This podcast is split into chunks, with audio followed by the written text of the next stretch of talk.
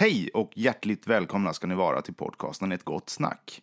I dagens avsnitt kommer ni få träffa Stefan Gunnarsson, multimusiker och i viss mån lite tv-personlighet. Ja, ni får höra.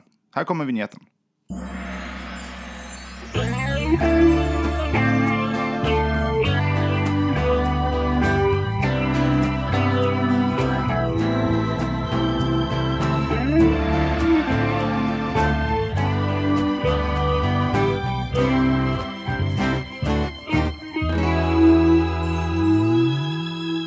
Hur mår du, Stefan? Mycket, mycket bra. Vad trevligt att höra. Vi börjar alltid så här att vi frågar, vem är du?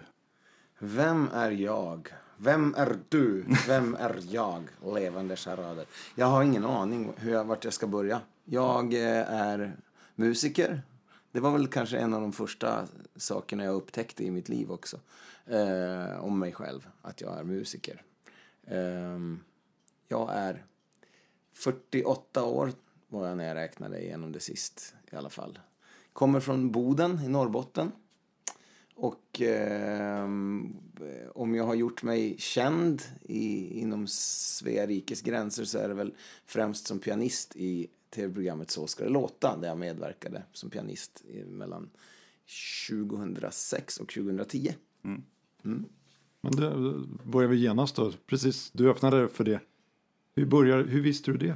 Att du var musiker, det, det första du visste? Ja, alltså om jag försöker nysta tillbaks till den upptäckten då, så tror jag att man kan säga att det började på- på min tvåårsdag när jag fick ett leksakstrumset utav eh, mina föräldrar i födelsedagspresent. Och eh, ja, det hade väl vem som helst kunnat räkna ut att det satte igång och blev ett jäkla slammer. Så att alla vuxna flydde i rummet liksom och där fick jag sitta och hamra. Och när de hade suttit och druckit kaffe i några minuter så, så sa en av farsans kollegor, eh, farsan var musiker då, eh, och eh, hon säger, men lyssna, han spelar ju rytmer. Och då var det tydligen inte bara att jag slog vilt omkring mig. Det, det gick ganska fort eh, liksom, till, att det, till att det började bli någonting lite mer föreställande.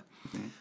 Och sen, ja, det här är ingenting som jag minns själv då, utan det är som jag har fått återberättat för mig. Men från fyra års åldern så tror jag att då, jag, jag tror jag var fyra år gammal när jag såg Buddy Rich på tv. Eller om det var Louis Bellson först kanske. Och jag bara kände, ja, ja, det, det, där, det där vill jag göra. Så trum, det, trummor var liksom helt, helt alenarådande för mig fram till jag var tio år. Och ehm, ehm, jag vet inte. Ja, jag skulle tro att från ungefär fyra års ålder så kändes det så självklart att det är det jag ska hålla på med. Alltså trummor. jag hade inte ens tänkt tanken att det skulle bli något annat instrument. Men på sätt och vis så kan jag ju fortfarande tycka att det är det jag håller på med. Jag tycker jag spelar trummor. Även om jag råkar ha ett piano framför mig så tycker jag att jag spelar trummor på pianot. Så Men du att- spel, spelar du mycket trummor idag också? Det gör jag en hel del, absolut. Inte, inte kanske professionellt. jättemycket publikt om jag säger så, utan en, en hel del i studio och eh, eh, ja. Nå, något gig blir då och då med någon konstellation. Är det som inhyrd eh, till andra artister och sånt? Ja. Men vad hände vid tio års ålder då? Upptäckte du andra instrument? Då? Då började jag bli klåfingrig på en gitarr eh, som stod hemma. Min mamma lärde mig tre ackord på gitarren. Och eh, farsan lärde mig två ackord till, så då kunde jag fem. Och sen så där... därefter så började jag väl utforska allt möjligt däremellan.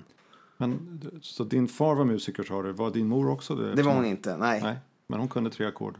Eh, ja, hon kunde, hon kunde nog kanske ytterligare något också. Jag vet inte, men hon lärde mig A-dur, D-dur och E7 i alla fall. Så, eh, Det är en ganska bra början. Ja, Ja, farsan lärde mig C-dur och G7. Det är ganska lustigt när jag tänker på det nu, att jag kommer ihåg specifikt vilka ackord det var också. jag noterar att det är inga moll där. Inga moll, nej precis. Ja, men sen så började jag, jag eh, ja, alltså vid, här, vid den här tidpunkten så var jag ett stort Kiss-fan. Eh, mycket märklig kombo av musiksmak. Jag lyssnade jättemycket på Buddy Rich storband och på Kiss. Peter Criss var inte... Alltså Peter Criss kan jag tycka eh, på många sätt och vis påminner om Buddy Rich. Och jag vet att det finns många trummisar som vrider sig i plågor när de hör någon påstå det. Men jag vill mena liksom att Peter Criss är ju bara en extremt förenklad Buddy Rich. Fast med ett så pass mycket biffigare ljud att det blir coolt i alla fall. Jag tänkte jag skulle svänga mig att jag kunde. Det var, jag, det var Kiss och Sweet det stod mellan. Ah, Och jag var Sweet. ja. Ja Sweet var grym också. Mick Tucker heter väl trummisen. där. Jajamän.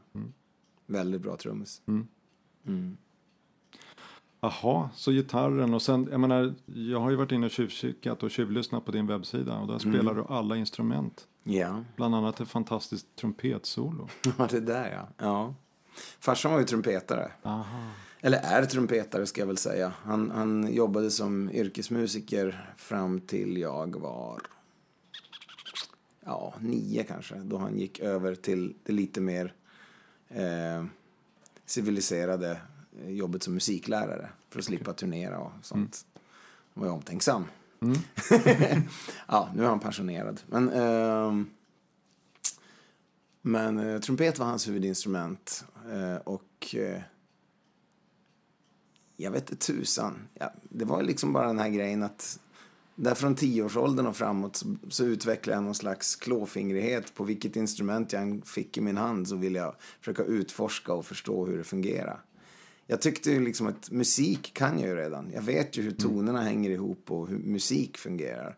Så att eh, varje nytt instrument man tar i sin hand är ju egentligen bara som ett nytt verktyg. Eh, så att kan jag förstå hur det fungerar så kan jag ju överföra allt jag kan om musik redan sedan tidigare på det här instrumentet också. Men trumpet var ju det första instrument som jag började fippla med som jag kände att okej, här ligger det ganska mycket jobb med själva hantverket bara att kunna traktera instrumentet. Så att jag kan ju tycka att trumpet har jag ju fortfarande inte lärt mig att spela utan Ja, vi som har hört hävdar motsatsen. Ja, Ja, jag, jag ser på mig själv lite grann som Ulf Lundell på trumpet.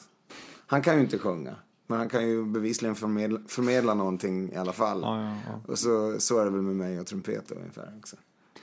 Men, Ja, Det kanske var en brandfackla där, men det beror på vem du frågar. men va, var du med i något band? Och, och följdfrågan måste bli då, är det inte jobbigt att vara med i ditt band för att du kan instrumenten bäst? ja, det får du ju fråga dem som jag spelar med. Ja, förlåt. Det var en konstig fråga. Men du, var, var du med i något band? Så att man, Massa olika band. På massa olika instrument också. Ehm, och hur gick det? Jo, det gick jättebra. Det var många otroligt roliga och utvecklande år med flera olika band. Det första riktiga rockband som jag spelade med hette något så fjantigt som Tema. Okej. Eh, men det var ett jätteroligt band med jättemycket talang i. Eh, gitarristen där, Johan Lindberg, eh, en otroligt begåvad låtskrivare. Eh, och, och där var det lite lustigt för när jag började med dem så var jag 12 och de var väl runt 20. Oj. Ehm, och det tog inte så jättelång tid. Jag kanske hade varit med i det bandet ett år eller någonting sånt. Så började jag ha lite så här idéer och synpunkter på vissa utav låtarna. Och så här, där kan man lägga in ett sånt ackord och där kan man lägga in ett sånt ackord. Och eh, där hade jag och Johan Lindberg ett otroligt bra utbyte. För han hade så otroligt bra formkänsla och känsla för att skriva catchiga refränger. Och eh, jag kunde liksom ge honom några fler färger på paletten. Och eh, så vi, vi skriver faktiskt låtar tillsammans än idag. Och har landat några låtar på bland annat CVF-plattor med Bill Champlin och Joseph Williams och sånt. Det känns jättekul. Det är liksom, det är ju en, en slags musikalisk relation som jag har haft då sedan 82. Eh, vad är det, 35 år. Det är bra. Ja, ett långvarigt samarbete. Och, och vad spelar du i det bandet? Där spelar jag trummor. Ja. Och ändå gick du in och melodi, hade åsikter på melodin så att säga och ackord. eh, Ja, jo. Faktum är att jag spelade trummor från 81, kanske till och med det var med dem. Jo, det var det nog. 81. Jo, 81. Och sen så var det väl 1984 tror jag. Som vi kom på att vad coolt det skulle vara att ha keyboard i det här bandet också. Och då blev det så att då hoppade jag över och spelade keyboard. För andra bra trummisar fanns det eh, i trakten. Men keyboardister var svårt att hitta. Så, så, så var det. De första åren spelade jag trummor, sen blev det keyboard. Kan du förstå att det är lite irriterande för oss som kan bara traktera ett instrument hjälpligt att du kan hela en hel orkester? Så du förstår att du har en speciell gåva eller hur ser du på det själv? Ja, det där med irriterande, det vet jag inte om jag riktigt eh, kan ta in. Men, Nej, det, det, det lät elakt men nej men jag har ju hört sånt många gånger, såklart. frustrerande för mig personligen att Det- Det du säger om gåva, det, det, jag tänker så här. Gåva och passion kanske inte är 100% samma sak. Nej. Men jag tror ju att om man har ett starkt brinn för någonting så kommer man ju spendera tid på att göra det och så kommer man att bli bra förr eller senare. Så jag vill ju hävda att, att passion och lust och driv eh, att lägga ner tid på någonting är ganska, ganska nära liggande det som folk kallar för talang eller gåva. Och ehm, ja, jag har ju suttit och spelat så mycket genom hela min barndom och, och ungdom. Bara för att jag tycker att det är kul. Ja men det köper jag. Helt okej. Jag var lite provocerande i min fråga där. Om, om- om, vi ska, om vi ska prata om någon form av rättvisa så, så, så hänvisar jag till att eh, de som inte har lagt ner så många timmar på att sitta och spela på sina instrument har säkert gjort något annat roligt istället. Helt rätt. Helt rätt. Nej, men du, så du, du känner att du har gjort de här. Det finns ju någon som säger att man ska göra 10 000 timmar för att bli riktigt bra. Ja, just de det. har du kommit upp i med råge. då, Det kanske. skulle jag tänka mig, ja. Ja. Jag, jag känner till den där teorin och jag tänkte igenom det där faktiskt för något halvår sedan. Så tänkte jag, men hur, undrar hur många timmar jag har spelat gitarr då till exempel. Hmm, ja, fyra timmar om dagen i genomsnitt var det väl där i tio år. Så här. Kunde du sitta fyra timmar om dagen? ja, jag kunde sitta fyra timmar i sträck. Medan jag gjorde något annat. Ja, jag ja, kunde ja. sitta och titta på tv och spela gitarr i fyra timmar. Eller någonting. Jausa. Jag vill inte påstå att jag är någon superekvilibrist på gitarr för den sakens skull. Nej, men det kan jag bevisa, eller säga att du är. Okej. Ja, ja. Tack då. Ja. Ja, det är ju fascinerande. Så du eh, samlar på frimärken eller eh, plockar svamp är inte din grej? Liksom. Nej, men jag har ju en massa andra konstiga böjelser också. Jag samlar på flipperspel faktiskt. Jaha, ja. Really? Det var intressant. Jag har en ganska stor samling. Och det, jag började ju spela flipper eh, när jag hängde med farsan och hans kollegor när jag var fyra fem bast också. Eh, så då, på fika-breaksen, då fanns det ju alltid flipperspel där man var och fika. Så att det började också med tidigt. Undra, ja, jag har garanterat lagt ner 10 000 timmar på det också. Men jag har inte vunnit flipper-SM. Jag har inte ställt upp. Hur många har du? Jag har em, till dags dato runt 45 stycken. Det tar väl ganska mycket plats? Va? ja, jag tänkte ju säga det. Hur Ja. bor du? Ja, men det, det är fint att bo uppe i Norrbotten. Boden är ganska billiga lokalhyror. Du bor kvar där alltså? Jajamän. Mm. All right. Hur funkar det om man nu är turnerande musiker och bor ändå rätt avlägset får man säga? Från... Ja, för mig funkar det väldigt bra för jag turnerar ganska mycket. Vilket innebär att merparten av mina resor är inte från Boden till Malmö och tillbaks. Från Boden till Stockholm och tillbaks. Från Boden till Göteborg och tillbaks. Utan jag åker ut på längre svängar och sen är ju merparten av resan det är mellan de orterna där jag giggar så att säga. Så att äh, det, jag tycker det går bra. Och ja, billiga lokalhyror är klart, det, det är en vik- viktig, eller det är en, en, stor fördel såklart. Men det som håller mig kvar i Boden är ändå att det är det ställe i hela världen som känns mest rätt i hjärtat för mig att bo på. Då vill ett tips att inte gå på tomtjakt här på Bjärhalvön om du hittar billiga priser. Nej, exakt. Ja. Det har jag förstått. För det är därför du är här. För eh, du sitter och spelar i, eh, på en restaurang i Båstad. Ja, Ja. Eh, Restaurang Sand, där jag har spelat nu, vad är det? Jag tror det är 14 säsongen i rad. Oj, oj, oj. Då brukar jag vara här, ja, två veckor. Ja. Fantastiskt ställe. Eh, jätte, jättetrevlig pianobar att spela i. Kul. Men då är ju pianobar, då är du ensam och spelar. Ja. Eh, jag brukar, en del frågar liksom, blir det inte tråkigt och ensamt liksom och bara spela själv liksom i pianobar. Men jag, jag, jag brukar försöka göra publiken till mina medmusikanter och det går ju ibland väldigt bra. Senast igår gick det ju alldeles fantastiskt. Det kom upp en, en tjej publiken och frågade om hon kunde få sjunga någon låt och eh, hon var svinbra. Det var jätteroligt. Hela sista ja, sista halvtimman i alla fall så var det jättecooking där. Folk, det- folk uppskattar ju också när det händer såna här oväntade Ja, saker. ja, de går igång på det. Ja. Mm. Ja, det är kul. Det känner jag också igen. Mm. Och, eh, sitter, har du notbok framför dig eller sitter du och spelar? Nej. Nej. Jag har en iPad som jag googlar fram en text på någon gång då och då om någon skulle önska något väldigt oväntat. Och då är det vanligen låtar som jag aldrig har spelat förut. Som jag tänker att får jag se texten så borde jag kunna krångla mig igenom den här låten. Är det så? Ja. Ja, det där är ju... en- Det funkar ju inte på alla låtar. Nej, men- nej, nej. Vad var det för någon låt? Det var någon ganska enkel låt som någon önskade häromdagen. Som jag tänkte, men den där har jag aldrig spelat. Undrar om jag bara kan köra den rakt av.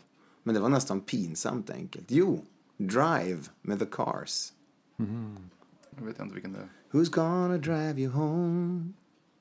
Eller ja, ja, Ja, så, jo. så går själva hooken. Ja, Stämmer. Mm. Jag Tommy är för ung för den. kanske är så. Ja, sorry. Är det inte den de har... De har, de har spelat in körer på olika reglage på mixerbordet. Så drar de upp A1 Oj, och, och sisset. Jag tror att det är den. Alltså de, satt, de spelade på mixerbordet. Jag Oj. såg någon dokumentär av den där. va? Eller tänker jag fel låt? Ja, jag vet inte. Det du berättar nu, det får mig att associera till Daniel Lanois. Men eh, Ja, eh, jag känner igen det där nu kommer vi till eh, avsnitt vi klipper bort. När Fredrik säger fel. Men Ja. Nå, nej, men jag känner igen det där resonemanget. Alltså, man drar upp en ton, en kanal för att... för, Kan det vara den? Det kan vara en annan låt. Ja. Men där de hade spelat in en, en, ett kör. De, de körade ett A allihopa. Så vart det liksom ah. Mm. Och så hade de den på en regel i en loop. Okej. Ehm, så att det var en one, one take liksom när alla, de hade väl varsin finger på varsin eh, Aha. reglage. Men det, det var kanske en annan hit jag tänker på. Vi får återkomma till den. Ja. De var väl refererade. Eh, våra tre lyssnare kan mejla in kanske. Berätta vad jag lägger fel. Ja, ja, men vad roligt. Men det där är ju också någonting som är en gåta för, för mig som inte har suttit de här 10 000 timmarna. Att du kan, du kan spela. Hur, hur länge sitter du på, på sand till exempel? Alltså, nu den här vändan är jag här fem dagar. Och då, man spelar fyra timmar per kväll. Fyra timmar. Men du sitter i fyra timmar och spelar Ja. utan mer än bara texten till några låtar. Ja, eller egentligen inte ens... Ja, det, det beror på. Vissa kvällar så använder jag inte iPaden alls. Och eh, igår använde jag den inte alls. Inte på en enda låt, vill jag ha för mig. Helt otroligt. Eh, Men hur många instrument skulle du säga att du faktiskt kan traktera? det beror alldeles på hur man räknar.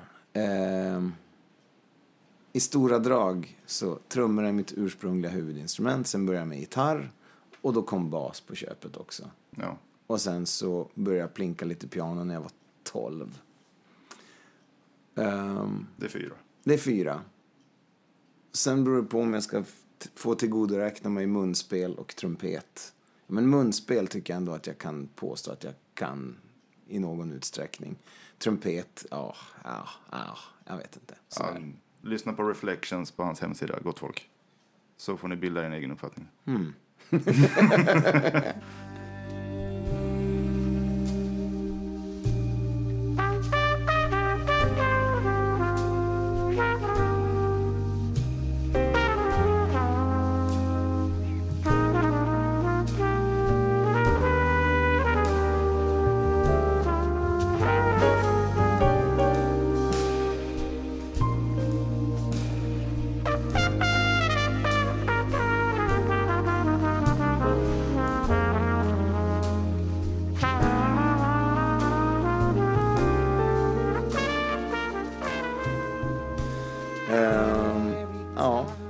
Eller för all del på,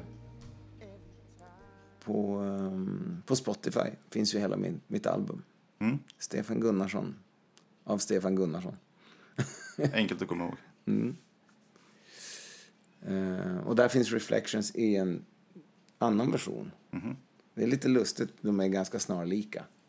Det, är, ja, det är inte några radikala eh, omarbetningar.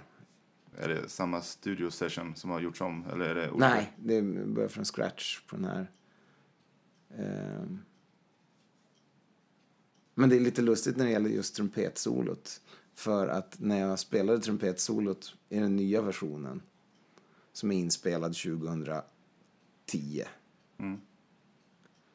så lyssnade jag ganska mycket på den gamla versionen som är inspelad 1995 och konstaterade att ja, det där trumpetsolot som var helt improviserat bättre än så kan jag inte göra det. Så att jag försöker nog spela ungefär likadant. Ja. Ja. Hur, hur ser om jag vet inte, en dag känns ju svårt att fånga in dem, jag förstår saken rätt, för det var ganska, kan vara ganska olika, men ett år, kan man, kan man säga så? Ett år för dig ut, du utgår från Boden men sen är du ute på turné mycket om jag, om jag Ja. förstår det rätt. 220 dygn per år brukar det bli. Oj, Ungefär. oj, oj. Eh, ungefär. Ja. Så har det varit. Ganska... Men inte i rad kanske, utan du har lite luckor. inte i rad. Nej. Eh, nej, det brukar, brukar bli kanske ibland så kort som en veckas sjok och ibland kan det bli upp mot en månad. Jag tror mitt rekord under hela livet på hur lång, hur lång tid jag har varit hemifrån är nog sex veckor, tror jag. Okej. Och då är det olika saker. Det kan vara väldigt, väldigt blandat. Det kan vara ett företagsgig här och tre kvällar i en pianobar där och sen kan det vara ett inhopp med ett band någonstans. Det kan vara... Det kan även vara turnéer med... ibland, nu sista åren så har jag åkt några vändor med, med CVF som ju är ett, ett projekt som eh, som jag på sätt och vis har varit, kan man säga, delaktig i under de cirka 17 år som det har pågått.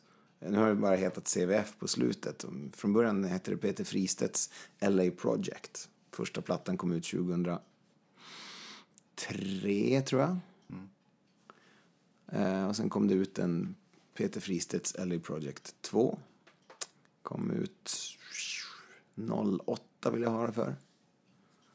Ehm. Och sen så blev nästa skiva blev Williams Fristedt. Alltså sångaren, Toto-sångaren Joseph Williams och Peter Fristedt som eh, är gitarrist från Strömstad. Eh, som har drivit hela, de här, hela den här grejen liksom, de här olika, och gjort de här olika plattorna. Ehm, och efter Williams Fristedt så plockar de även in Bill Champlin som också har varit delaktig sedan första början i det här. Så att då blev det Champlin Williams Fristedt, därmed CVF, CWF. Mm. Och vad är din roll i det här? Eh, jag har ju skrivit en del låtar till det. Det var egentligen så jag ursprungligen kom in i, i projektet. Och har spelat en del grejer på plattorna och sen så brukar jag oftast vara med som keyboardist när det är turnéer. Om vi får ihop våra scheman och sånt där. Ja, det har ganska konsekvent varit en sväng per år nu de sista åren. Men det, det är via honom som du känner Joseph Williams då? Eh, ja, så är det. Det tycker jag är ganska coolt. Jag är också en lite Toto-fantast. Mm.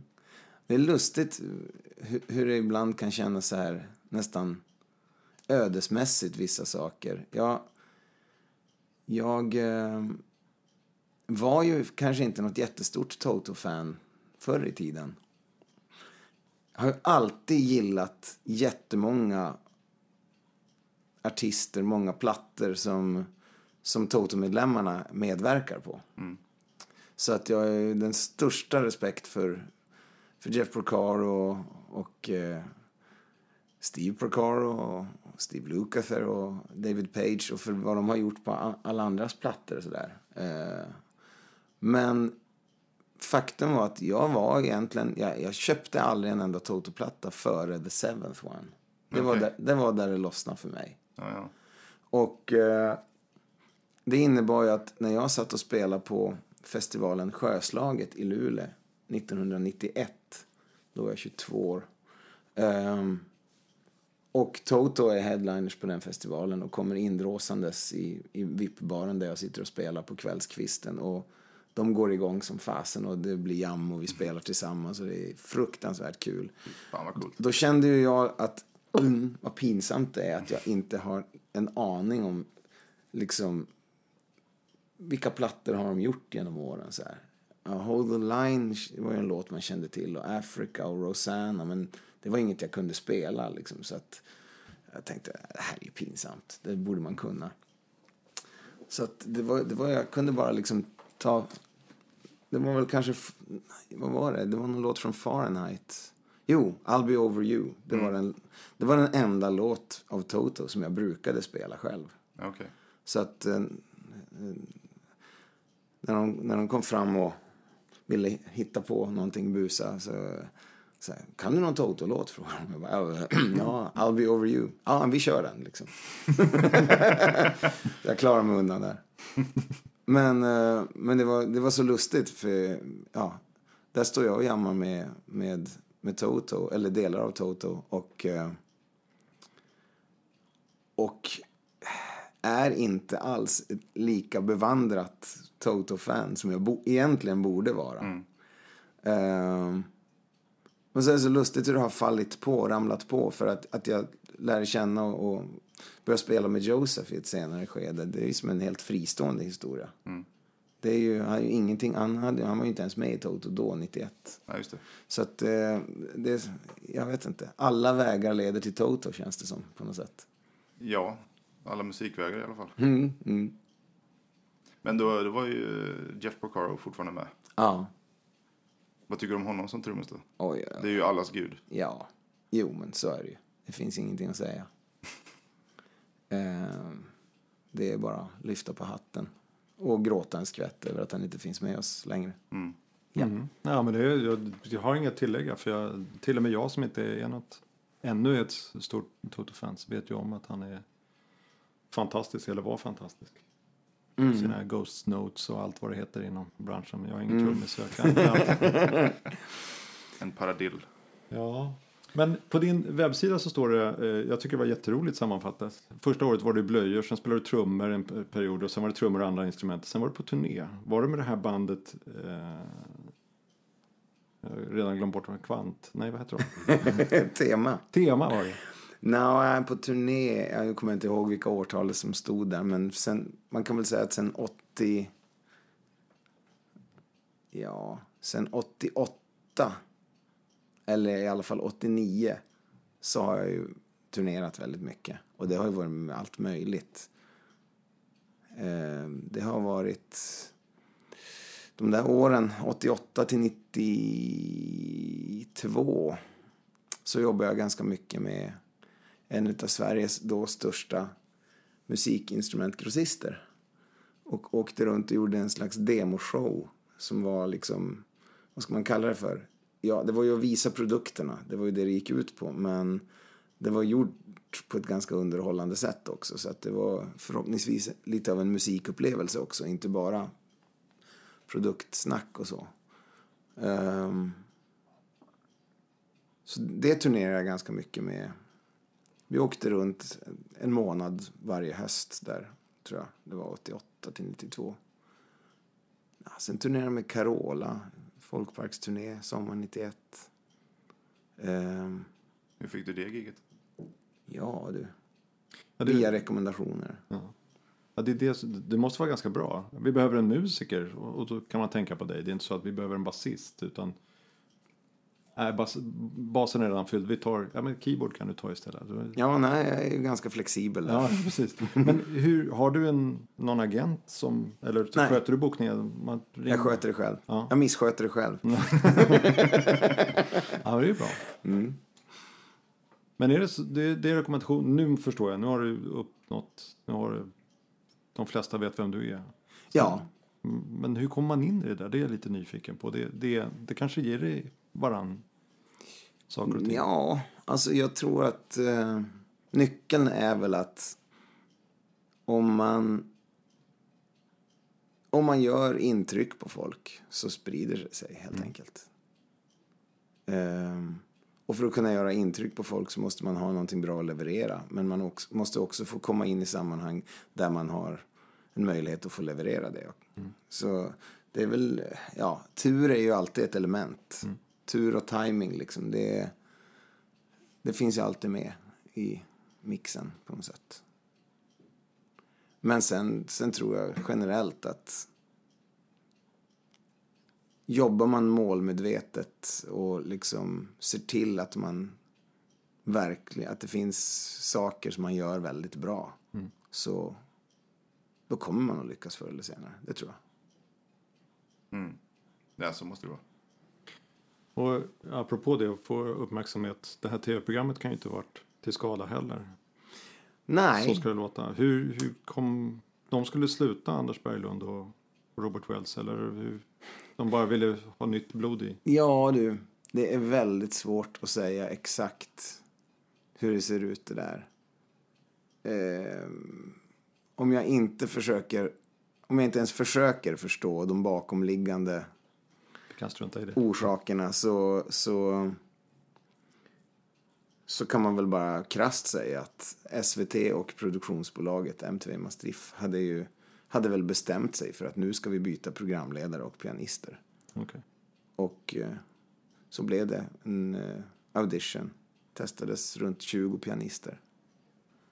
Jag tror att man redan från början var ganska klar över att man ville ha Peter Settman som programledare. F- nu när jag tänker på det, jag har inget minne av att jag hörde talas om att det var någon audition på den fronten. Liksom.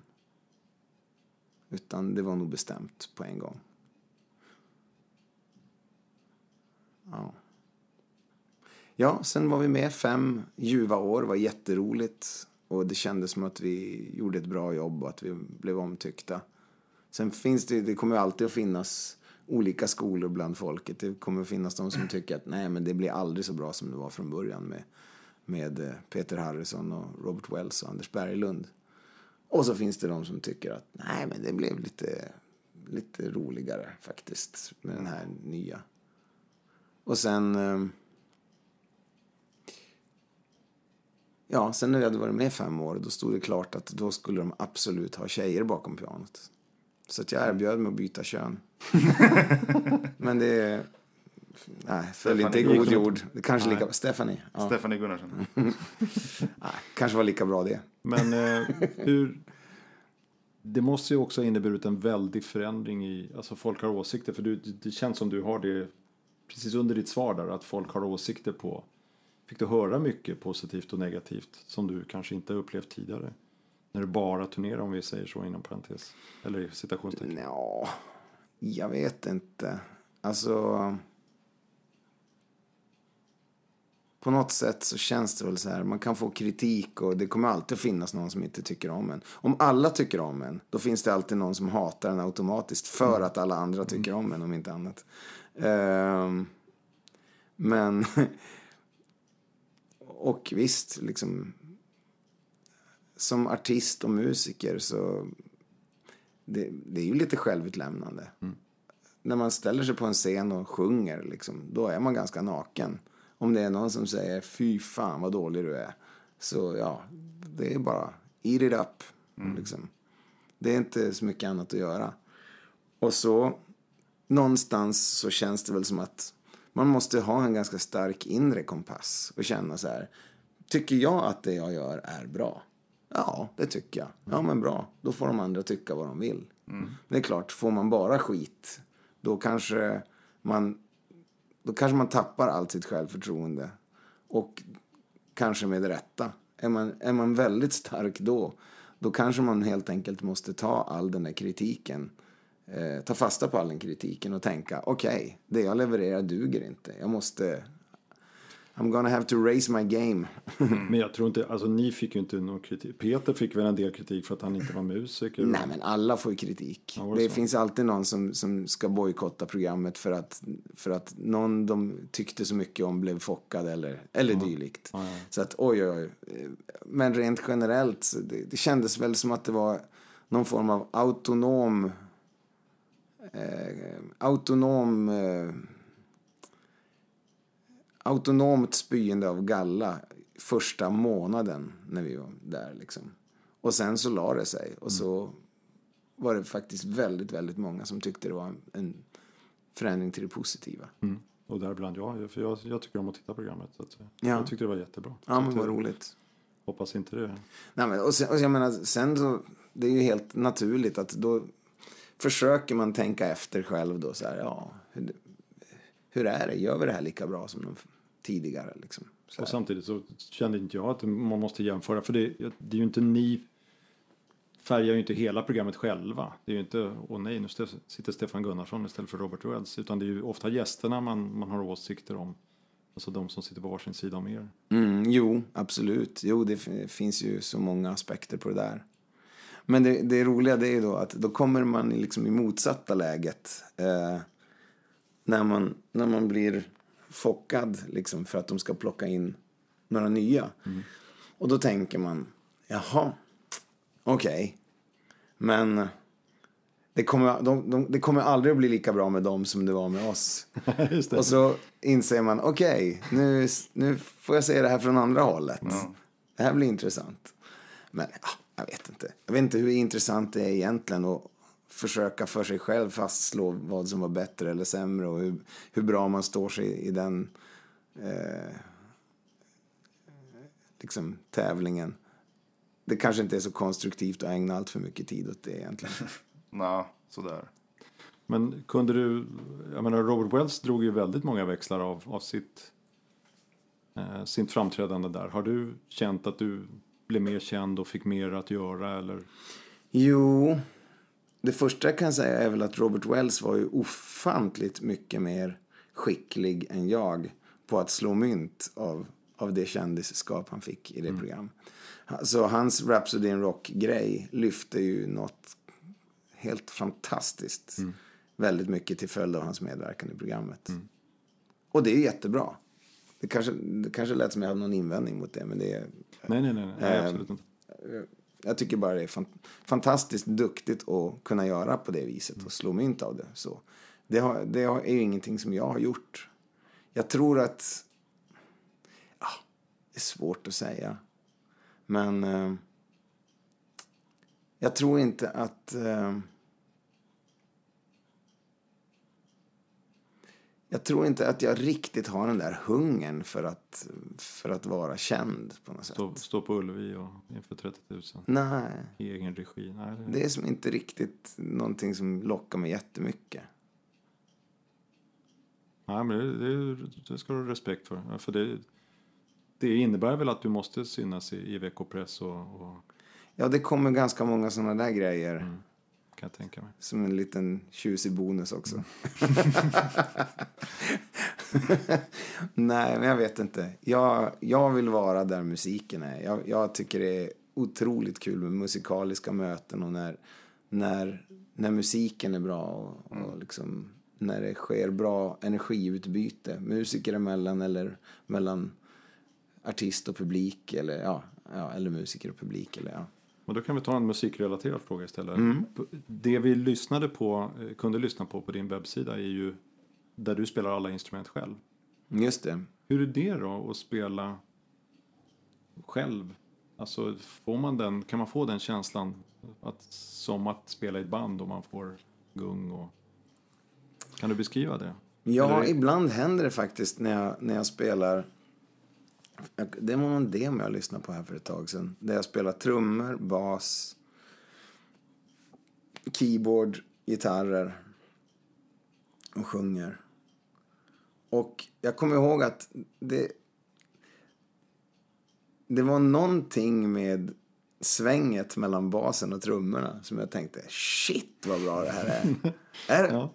det, det roliga var att jag, hörde det bara helt plötsligt utan att veta vad det var för någonting och tänkte Jesus, vad är det här?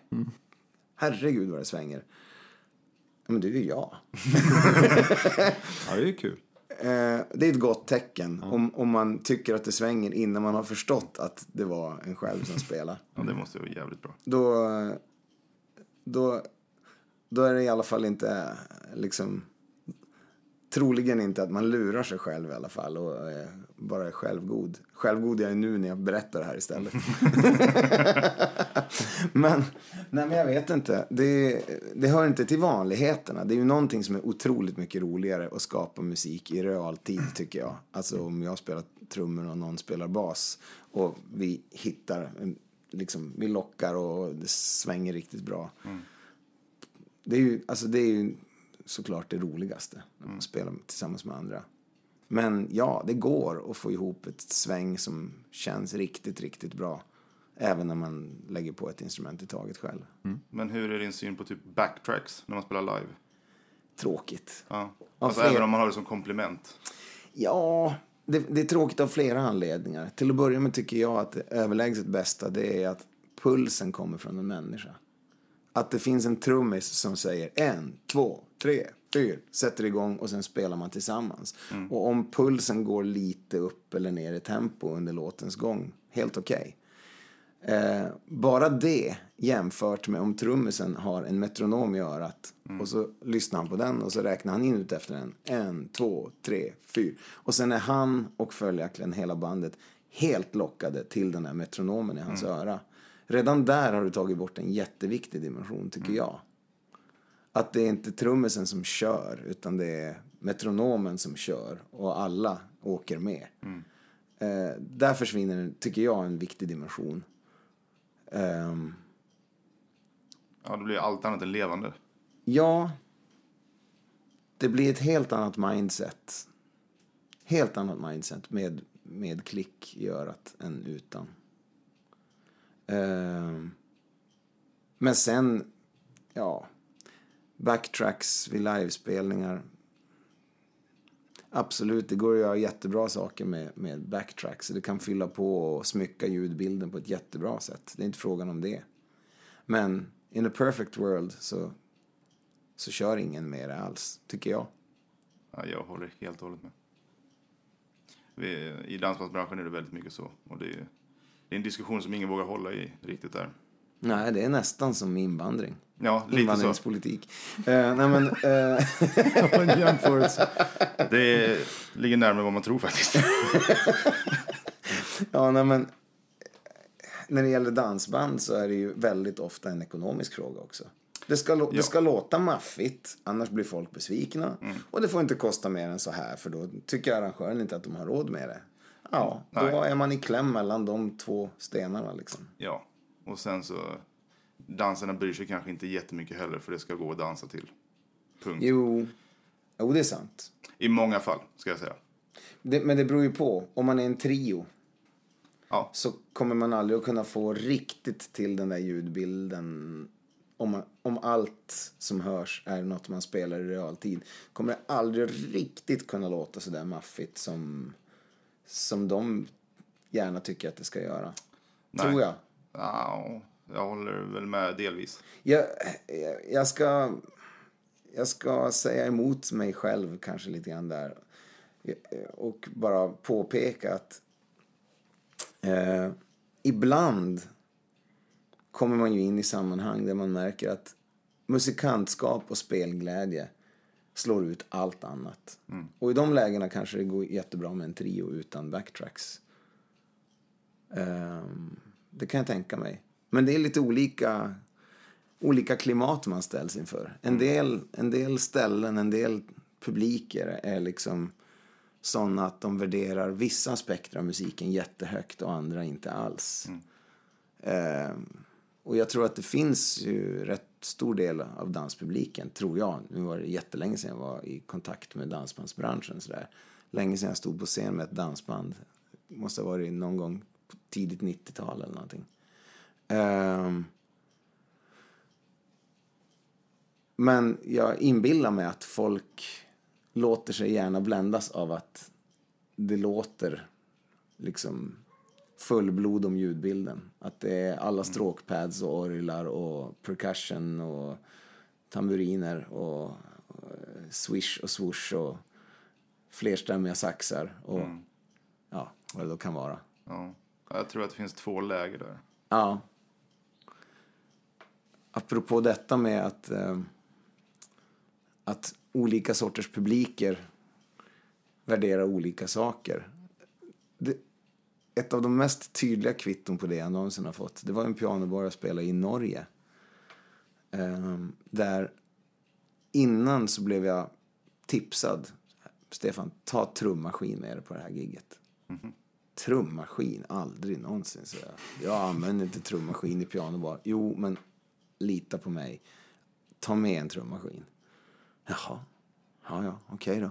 Så jag tog med en trummaskin och programmerade in något enkelt bit och tänkte att ja, ja, om det nu eh, råkar vara så att det verkligen eh, liksom ska vara trummaskin här, då, då har jag ett enkelt disco-rockbeat här liksom. Jag trycker igång det, då kan jag spela I was made for loving you. Eh, jag kan spela Teardrops med Womack and Womack. Jag kan nog kanske fejka mig igenom typ September med Earth, Wind and Fire till det bitet. Mm. Och sen om det nu visar sig vara på det viset då, okej då, då, då får jag väl fundera ut något mer i pausen. Men ja. Men nej, jag ska nog inte trycka igång trummaskinen. Och eh, det var ju ett väldigt bra tips kan jag säga. Därför att det var det konstigaste publik jag har varit med om i hela mitt liv. Jag har aldrig sett något liknande. Eh, jag spelade alla publikfriande låtar jag kunde tänka mig. Liksom. Jag, jag började soft liksom. Och, det var ingen som tittade åt mitt håll. Jag fick in, kanske någon liten golfapplåd så här, efter någon låt. Men, men eh, i princip så det gick folk förbi mig på en, med en halv meters avstånd från pianot som agerade som att jag inte existerade. Och jag började liksom öka tempot och intensiteten och jag körde alla möjliga allsångslåtar, ösiga låtar, jag körde alla partytricks jag kunde som brukar väcka någon form av reaktion. Men det var noll. Det var att de, publiken där agerade som att jag inte existerar. Och när jag hade gjort allt det där och var helt trasig i både rösten och själen så eh, kanske jag hade spelat runt en timme ungefär. Jag tänkte, ja, ja. Om, om ingenting av det jag nyss gjorde funkar, då kommer det inte att funka med trummaskin heller. Men jag trycker väl igång den, då får vi se. Jag trycker igång trummaskinen och den sätter igång. Och folk blir galna. Det är smockfullt på dansgolvet och det är party och, de, ja, och folk tittar på mig och ler och tummen upp och yeah. Amen. Och jag sitter och kör mina tre låtar där i samma tempo till samma komp på trummaskinen. Inga fills eller någonting utan det var bara... Och när jag har spelat de tre låtarna, det har kanske tagit 10-12 minuter eller någonting sånt. Så tänker jag, vad ska jag spela nu då till det här? Ehm, ah. Så jag låter det gå åtta tomma takter med trummaskin. Och tänker att jag kommer på något på åtta takter. Nej, idétorka. Ja, men åtta takter till. Och under tiden så lägger jag märke till att alla dansar ju och stojar och stimmar. Alltså, det gör ingenting. Det räcker med trummaskinen. Så ja, jag låter det gå 16 takter till. Liksom. Det går 32 takter av bara trummaskin. Och folk agerar precis likadant som när jag spelar låtar. Så jag inser att jag skulle ju faktiskt kunna lämna den här på och gå till baren och ta en öl och ta en liten paus kanske och komma tillbaka om 10 minuter och fortsätta spela då liksom. Det skulle, ja, så att, Vad otacksamt. ja.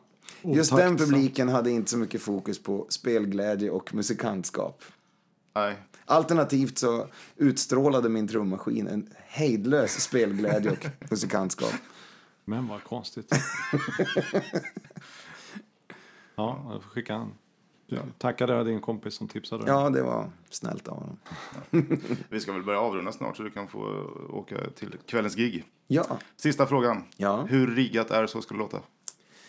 Ehm, ja, den frågan får man ju ofta kan jag säga när man har varit med i det programmet. Och svaret är inte helt jättesimpelt. Därför att till att börja med så var det ganska stor skillnad i hur riggat det var under mina fem år. Det var ganska lösa boliner första säsongen. Och jag kunde tycka att det var, blev både bäst program och var roligast att göra. Men eh, ja, jag upplever nog att de har... Jag tror att under hela programmets existens så har det successivt blivit lite mer riggat för varje år som har gått. Ehm, Riggat i vilken betydelse? Ja, det är ju så här att många tror ju att vi får veta vilka låtar som ska vara med, men så är det inte. Eh, när, när en inspelning av ett program börjar så vet ingen helt säkert eh, att den här låten, den kommer att vara med. Eh, jag refererar till mina fem år nu i alla fall. Ja. Eh, ja. Utan däremot är det ju så här att de gör ju ganska grundlig research på artisterna som ska vara med. Så de vet ganska väl vilka låtar de kan. Eh, och sen så får ju artisterna skicka in lite önskelåtar som de gärna vill ha i bakfickan utifall att det skulle bli ett läge.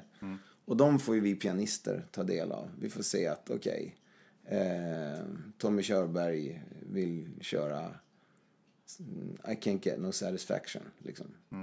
Okej, ja men det är bra. Då kollar jag upp den och kollar så att allting är på plats. Och, ja, han kan även ha skrivit vilken tonart han i sådana fall vill köra. Ja, och, kan, och sen får vi en och en halv timme, får, får. vi fick en och en halv timme i, i ett reprum med artisterna på vårt lag. Eh, och då kunde man ju spåna och det var ganska mycket en process av att lära känna varandra. Och så här, kan du mycket Beatles? Kan du mycket Elvis? Kan du mycket Whitney Houston-låtar? Eller kan du mycket, ja vad det må, må vara liksom. Ehm, kan du mycket Depeche Mode-låtar? Ja men liksom, där fick man ju en ganska klar bild av ungefär deras repertoarkarta. Vilket gjorde att när man väl satt i programmet och så vändes det på en bokstav eller en siffra och kom upp ett ord så kunde jag kanske komma på en låt som innehöll det ordet som jag tänker att men det där borde passa den här artisten. Ja. Ehm, men som sagt, ingenting var riggat på det viset. En, del, fråga, en del tror så här, ja men de kan ju alla texter. Hur kan de kunna det? Det måste vara att de har fusklappar liksom så här. Och det är faktiskt så vet jag att eh, några år innan jag och Putte kom med och Peter Settman, eh, då var det någon säsong, en eller två säsonger, som man såg att artisterna väldigt ofta tittade upp ganska högt upp i taket liksom med, med blicken när de kunde texterna. Och då hade de tydligen en ticker som visade texterna. Men det tog de bort för att det var, blev så uppenbart man såg på blickarna. Liksom. Ja, ja. Så att det, under min och Puttes och Peter Settmans tid så var det aldrig några sådana fusktextgrejer. Utan Nej. i den mån det var förvånande att artisterna kunde vissa låtar så bra så berodde det snarare på att redaktionen hade redan innan tagit reda på vilka låtar de kunde och såg till att ge dem sådana låtar som de kunde. Ambitiöst. Mm. Ja, det Sen är är det väl också så att artisterna, ni, det här ni kan, det är ju ert område. Så att ni, att ni kan spela och sjunga är inte så konstigt för oss. Men, men vi som inte kan så duktigt, vi blir ju alltid förundrade. Hur Ja. fasen kan du vara så duktig på allting? Jag tyckte ju att det var jätteroligt i programmet när man bjöd på lite dikeskörningar. När någon började sjunga någonting och sen så bara gick det totalt åt skogen. Alltså det, dels var det ju lite roligt. Eh, det kunde bli jättekomiskt. Men sen även att det skänkte en helt annan nivå av trovärdighet till programmet också. När man märkte att okej, ja men där försökte de och det gick bra ett tag och sen så gick det åt skogen. Och där försökte de och jäklar vad bra det blev. Då blev man så mycket mer impad liksom, när, när den dynamiken fanns. Ja, absolut. Men vi- jag är elak här. Du sa sista frågan. Får jag ställa en sista fråga? Varsågod. Vi brukar ju ställa frågor om vad, vad händer i framtiden? Hur, ser, Ja. hur långt ser du? Så kan jag fråga också. Ja, just det. Ja. Ehm. den bokning jag har som ligger längst fram i tiden just nu, den är i november 2018. Men det är inte så att, det, att mitt schema är tjockt fram till dess. Utan man kan väl säga att det här året är ganska inrutat. Och början av nästa år börjar vara hyfsat också tajt första månaderna. Ehm, så är det. Bland annat så ska jag faktiskt göra ehm, ja, julshow, vet jag inte om jag ska kalla det, men vi ska... Jo, men julshow kan man nog kalla det. På Norrvikens trädgårdar. Eh, varje fredag, lördag under julperioden. Start 24 november. Okej. Och sista kvällen är väl lördag den 16 december vill jag ha för mig. Vad är det för produktioner? Ja, alltså det är egentligen då ehm, det är Norrvikens trädgårdars julbord eh, som jag har satt ihop ett underhållningspaket till med en jättetrevlig trio av fantastiska musikanter. Anders Forslund på bas och Pierre Eriksson på dragspel. Och Roland på backtracks. Inga, inga backtracks. Det här är verkligen, det kan, jag, det kan jag verkligen säga från djupet av mitt hjärta. Att det här är en sån typ av konstellation som är så långt ifrån backtracks man någonsin kan komma. Och du spelar trummor eller? Där kommer jag att spela lite av varje. Vi kommer att, vi kommer att eh, underhålla vid borden och Jaha. ta requests. Okej, oj. Och eh, det här är en konstellation som jag har spelat med tidigare. Jag tror att vi gjorde en afterski en gång. Där vi eh, bara på önskemål, på, bara på folks requests, så blev det på en och samma cirka timmes långa afterski att vi spelade låtar av Evert Taube, Ove Törnqvist, Bach, Jimi Hendrix, Queen och Stefan Gunnarsson. Bara på requests. Det är snyggt. Ja, och Magnus Uggla fanns med där också, kommer Okej. ihåg. Eva Dahlgren också. Ja, det är en hyfsad bredd från, Ja, det- Bach, det får man nog säga. från Bach till Hendrix. Liksom. Jo, Holy Diver körde vi också. Det var någon som ville höra något av Dio. Fantastiskt. Mm. Ja. Ja, vi har inte berört ditt eh, egna kompos- komponerande. Vi får ta det i del två. Då. Ja, jag får ta en del två.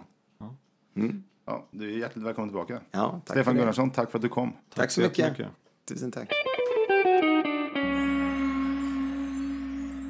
Ja, och det var allt ifrån detta avsnittet. Följ oss gärna på Facebook, Instagram och Twitter där vi lägger ut lite titt som tätt. Har ni lite feedback eh, på ja, vad som helst egentligen så får ni jättegärna skicka den till oss. Eh, det kan ni göra på vår hemsida, www.ettgottsnack.se. Vi har inga mätinstrument för att se hur många som lyssnar, så är det någon som lyssnar så gör gärna lite ljud ifrån er så får vi reda på det i alla fall. Ha det så gott så hörs vi i nästa avsnitt. Puss och kram!